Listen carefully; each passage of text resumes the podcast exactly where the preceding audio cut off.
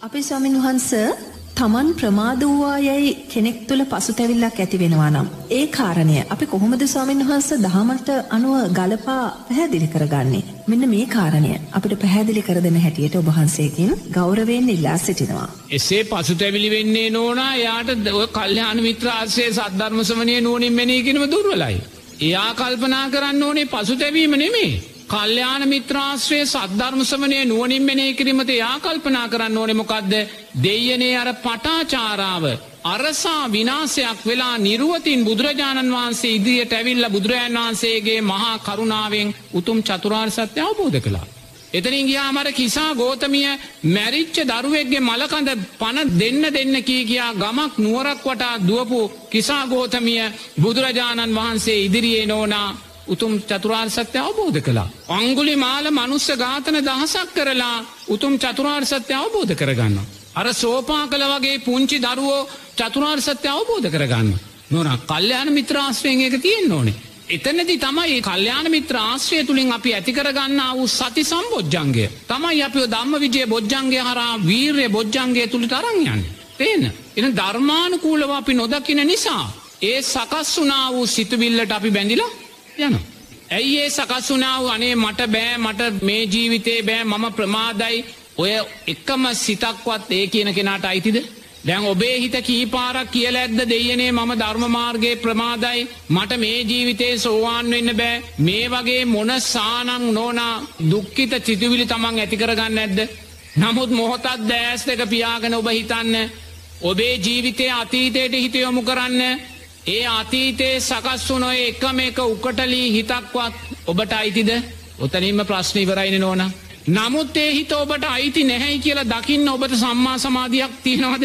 සම්මා සතියක් තියෙනවද?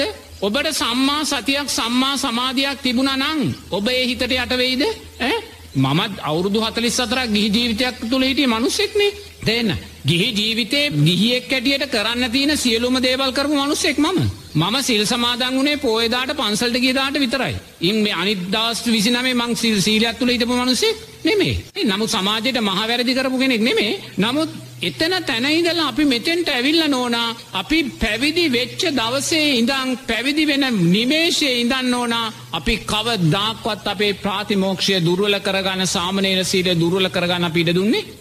එන ඉති මටත් තියෙන්නේ පැ දෙයනේ මම මෙහෙමුණා මෙහෙමුණා ගීකාල මෙහෙමුණා දැන් අවුරදු හතලිස් සතරයි දැන් වයසයි දැන් කොහොම ඔය එක හිතක්වත් අපි එන්න දුන්නේ නැහැ. කල්්‍යාන මිත්‍රාශ්‍රය තිබ්බා සද්ධර්මශ්‍රවනය තිබ්බා. ඒක නුවනින් මෙනී කලා. දෙයනේ අංගුලි මාලට පුළුවන්නම් මනුස්ස ඝාතන දහසක් කරලා උතුම් චතුරාජ සත්‍ය අවබෝධ කරන්න. සන්තිස ඇමතිවරයාට ති පුළුවන්නම් ඊය දවසේ මත්වතුර බීල ඉඳලා පහුවදා චතුරාණ සත්‍ය අවබෝධ කරන්න.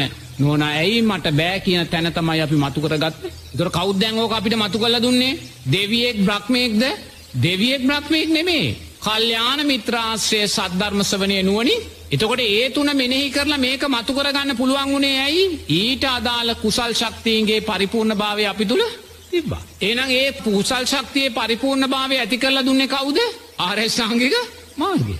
එනිසා නිරේතුරුවම මේ මාර් කල්්‍යාන මිත්‍රාසේ සද්ධර්මසවනය නුවනින් මෙනේ කරපු තැන නෝනා කව දාක් වගදිවත් අපිට වරදින්න විදිහක් නැහැ. අර අංගුලි මාල මනුස්සඝාතන දහසක් කරලා උතුම් පැවිදිභාවයට ඇවිල්ලා පින්ඩ පාතේ වඩිනකොට නොන හැම දාම එක්කො සිවුර ඉරාගෙන එක්ක ඔලුව පලාගෙන එක්කෝ තුවාල කරගෙන පාතරේ බිඳගෙන තමයි එන්නේ. ඇයර අකුසල් විපාකටෙනවා. මනුස්ස ගාතන නමසේ අනුව නමය පණ පිටින් මනුස්සෙන්ගේ ඇගිලික පාගත්තේ එසේ මෙසේ අකුසලයක් නෙමේ. දංගුලි මාල හැමදාම පන්සලට එක්දී බුදුරන් වන්සේ ඇවිල කියන භාගයතුන් වන්සනේ බලන්නක මගේ අද තුම් පාරක් ගල් වැදිල මේ ඔලුව පැළුණා. මේ බලන්නක මගේ පාතරේ බිඳුන මේ බලන්නක මගේ සිවර ඉරුණා මේ විදිහට අර අකුසල් විපාකටේනවා. ඒ වෙලා බුදුරජාන් වහන්සේ දේශනා කරනවා පින්වත ඔබ ඒ ගැන හිතන්න යන්න එපා. තේන්න අංගුලි මාල ඔබ ඒ ගැන හිතන්න එපා. ඔබ හිතන්න ඕනෙ මෙච්චරයි. ඔබ කල්ප ගානක් කල්ප සියක් කෝටි ප්‍රකෝටි ගානක් ඔබට විඳින්න තියන කුසල්. ඔබ මේ ජීවිතය ආවර කරන්න යන්න කියලා.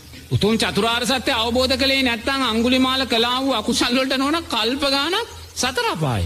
එසා භාග්‍යතුන් වහන්සේගෙන අංගුලි මාල ඔබ කොයි වෙලාකුවත් අංගුලිමාල මේ කිසිම කෙනෙක් කෙරේ අහිතක් ඇති කරගන්න හිතක් ඇති වෙන්න රහතන් වහන්සේ නමක්නේ ඒ ඒ ගැන ඔබ මේ මොකක්වත් හිතන්න එපා ඔබ සතුටු වෙන්න ඔබ මේ උතුම් චතුරාර් සත්‍ය අවබෝධ කරපු නිසා.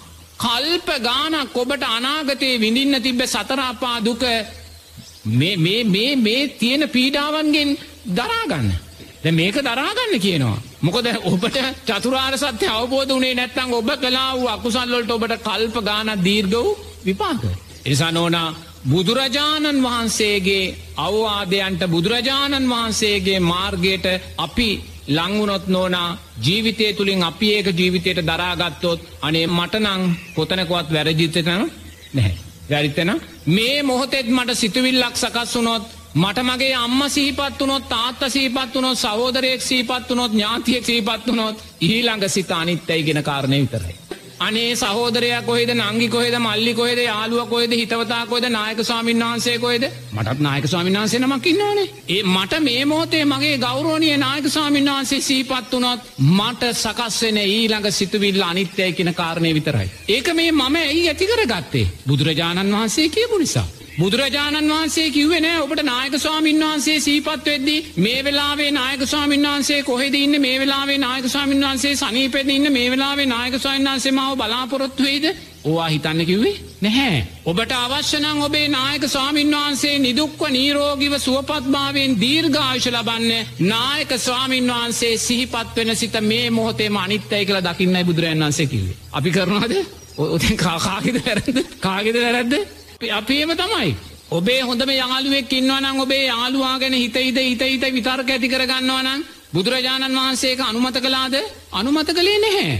නමුත් ඔබේ යාළුවා ගැන ඔබ හිතහිතා විතර්ක ඇති කර කර ඉන්න මොහොතක් පාසා ඔබ තුළ වැඩෙන්න්න මොකක්ද පංචනීවරණය. ඒ පංචනීවරණයෙන් ඔබේ යාළුවාට වෙන සෙතක් තිීනවාද නැහැ. බුදුරජාණන් වහන්සේ මොකක්ද කියන්නේ. ඔබට ඔබේ යාළුවා සීපත් වනානන්ගේ මොහොතේම පස්ස පච්චයා වේදනා ඒ පස්සේ අනිත්‍ය වශයෙන් දකින්න. ඒ සිත අනිත්‍ය වශයෙන් දකින්න. දකින වෙලාවේ ඔබ තුළ සකස් වෙන්න වූේ විදර්ශනාමය කුසලය නෝනා ඔබත් රැකිලා ඔබේ යාළුවාටත් සුවපත් වේවා කියන චිත්තයක්මයි ඔබ ඇති කරලදන්න. අන්න බුදුරජන් වන්සේ අපිට කියන මාර්ගය. නමුත් ඔය මාර්ග අපි ගමන් ගන්නවාද නැහැ. යාළුව සීපත් වනත් රැකියාව සීපත් වනත් ව්‍යාපාර සීපත් වනත් පෙම්බතා පෙම්බතිය සීපත් වනත් දවාදරුව සීපත් වනත් විදේශගත දරුව සීපත් වනත් පංච නීවරණයක්මයි ඇති කරගන්න. පංචනීවරණය මේ මොහොතේ මේ රාත්‍රියයේ මේ මොහොතේ මේ රටේ ඉන්න අම්මලා තාත්තලා බිරින්දෑවරු ස්වාම්පුරුෂයලා විදේශගතව ජීවත් වෙන දරුව නිසා අම්මල තාත්තල නිසා හිතවතුන් නිසා මොන සානම් පංචනීවර නැති කරගන්නවද කියල බල මොන සරන්න ඒ පංචනීවරණයන්ගෙන් තමන්ට වෙන සතක් තියනවද ඒ අයට වෙන සතක් තියනවද එනම් මේ ලංකාවේ ඉදන් තමන්ගේ දරුවා තමන්ගේ මුණබුරා තමන්ගේ අම්ම තාත්ත පෙම්බතා පෙම්වතිය සීපත් වෙද්දී ඒ සකස් වෙන සිතුවිල් ඔබ අනිත්‍ය වශයෙන් දැක්කනං. නොනා මේ ලෝක ධාතුවේ තියෙන සුන්දරම ශේෂ්ඨම විදක්ෂනාමය කුසල් සිතක් ඔබ ඇති කරගත්ත වෙන. ඒ කුසල් සිත තුළින් ඔබේ ධර්මමාර්ගය ශක්තිමත් වෙනවා. ඔබේ ධර්මමාර්ගය ශක්තිමත් වෙනවා වගේම විදක්ෂනාමේ ධර්මමාර්ගය ශක්තිමත් වෙනවා වගේම නෝනා ඔබේ ආවිශ්‍ය වර්ණය සැපේ බලය වැඩෙනවා. ඒ ආවිශ්‍ය වර්ණය සැපේ බලය වැඩුණ හිතෙන් ඔබ පිටරට විදේශගතව ඉන්න ඥාතියාට සුවපත් වේවා කියද්දී නෝනායේ සුවපත් වේවා කියන චිත්තය ශක්තිමත් චිත්තය. මෙම උත්තම සදහම් දේශනාව ශ්‍රවණය කොට නුවනින් මෙනෙහි කොට මෙම ධර්ම දේශනාවේ කරුණු අන් අයටත් ශ්‍රවණය කිරීම පිණිස බෙදාහරණ ලෙසටත් ධර්මදානය උතුම්ම දානය යන්න සිත්ති තබාගෙන මෙම ධර්ම චැනලය සබස්ක්‍රයිබ් කරන ලෙසටත් ධර්මකාමී ඔබගෙන් කාරණිකව ඉල්ලා සිටිමි.